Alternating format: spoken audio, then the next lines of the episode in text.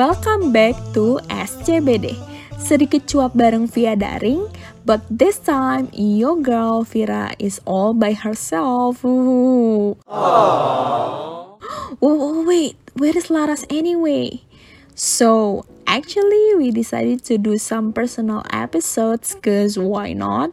And it would be a little bit different because I'll be talking in English. So I have this issue that some of my international friends cannot understand what I'm talking about. Dan mereka nih kepo banget. Kayaknya lo seru banget gitu ngobrolnya. Tapi gue nggak ngerti nih lo ngomong apa. Jadi nggak apa-apa ya. Tapi mungkin nanti along the way gue akan nyisipin juga ngomongin bahasa. And I really hope that you guys can still enjoy it Okay, so I've always wanted to talk about this issue, which become one of the most concerning common issue in the society, especially the young generation. And yes, I believe you guys have read the title. We're gonna talk about insecurity, and later on we'll see how to cope on this problem. So, let's be honest. I'm sure that everyone feels insecurity. Like it becomes a part of our life, right? Everyone has insecurity that affect them daily. But before we're gonna talk furthermore about it, what is insecurity actually? According to Cambridge Dictionary, insecurity is a feeling of lacking confidence and not being sure of your own abilities or whether people like you. So we got several keywords here lack of confidence, not sure of your own abilities, feeling incompetent. That's basically the characteristic of people who has insecurity.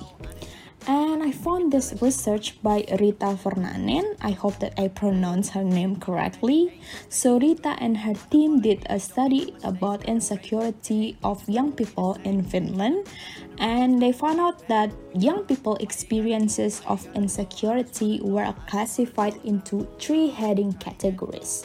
The first one is inner circle, that is insecurity that related to personal emotion and inner experiences. Second one is the social circle, that is insecurity that related to social interaction.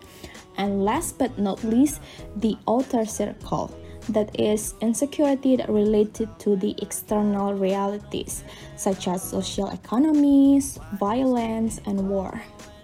And I found out that this research is really interesting because I can relate to the first factors a lot like it used to happen to me all the times even several times until now and i'm sure that some of you guys are feeling the same so most of my insecurity comes from my inner feelings and emotion i don't know if you guys can relate but whenever i want to do something new there will be this inner voice inside my head that say oh come on Vira are you serious or will you nail it or whenever i do something wrong I'm starting to blame myself. Like there's this voice inside my head that say, "What is wrong with you?" or "Why can't you get it together?" Oh my God, Vira.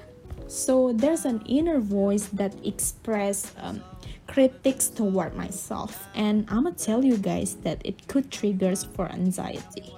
Like I used to freaking out a lot about the future, and it's exhausted, and it's not healthy. I become less confident with my own abilities. But in my case, thank God, I really have a good support system. You know, whenever I want to do something, I always talk to my mom. She's like my best friend and she's the one who usually like push me and always say a right things to help me. Whenever I freak out, she'll be like, "How come you be so scared? You haven't even tried yet. Like just freaking do it." and she become Nike's brand ambassador. and you know what, guys? Most of the time, my fear didn't even happen. So I I'm scared of nothing. Like you know. So um, just follow what, my mom and Nike says. Just do it. And now I can feel that I becoming a person that don't regret anything that I've ever done in my life whatever the result. At least I try and I can take a lesson from that. And there's also a saying that say 30% is better than 0%. So yeah, just do it. Okay, moving on to the second factors, the social circle. Oh, anyway, disclaimer guys, I don't want to be too scientific. Like I'm sure that there are some of scientific causes of social insecurity like past traumas, environment, failure of rejection and so on. But instead, I want to focus more on how does insecurity influence people and their relationship in society. This is very interesting. Like let me ask you a question how many times have you walked into a room or maybe saw your friend's social media post and started comparing yourself to everyone else? I'm sure that comparing ourselves with everyone becomes a habit nowadays, so maybe I don't know, like 100 times, 50 times. Like you'll find this situation. Oh my god, you just got promotion. Annie just lost 50 pounds. Andre is going to travel to Europe for a month when you look at what is happening in your friend's life, do you congratulate and feel happy for them and triggers your motivations? Or do you use their happiness to feeling bad about yourself? Which one? Maybe for some people, social comparison might be a motivation, but for some others, it's just like toxic as hell. Because when you compare yourself to others, you almost probably will compare your weaknesses to their strengths. And then you will feel bad to yourself. It will kill your self esteem. I remember one of my closest friends, Nai, said this to me. What you treasure and what makes you happy is about you, not about anyone else. So stop comparing yourself. It's just gonna waste your time and kill your happiness. And I absolutely agree with her. This unhealthy comparison will make you only focus on who is the best, which destroy your happiness and the fun of the experiences itself. And you know what, guys? Just because someone has traveled to 10 plus countries than you can, doesn't mean that you won't still have a great time. Just focus on yourself. If you want to compare, just compare yourself to who you were yesterday. And if it necessary, you can decrease your attachment with the people that have this potential to make you less happy. Just block them.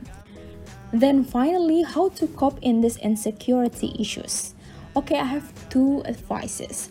First of all is I believe it's about how you think about yourself because I see that us people with insecurity have a tendency to view ourselves in a negative way, and this type of thoughts influence how we feel about ourselves. So start believing ourselves, even you have to fake it first. Like you know, I think it's okay if you are faking that you have this high self confidence at first until you finally make it and become less insecure and then the second is how you think about others. You know what? Rather than viewing others as a threat and feeling intimidated with their life why don't you just be friends with them you know building good relationship?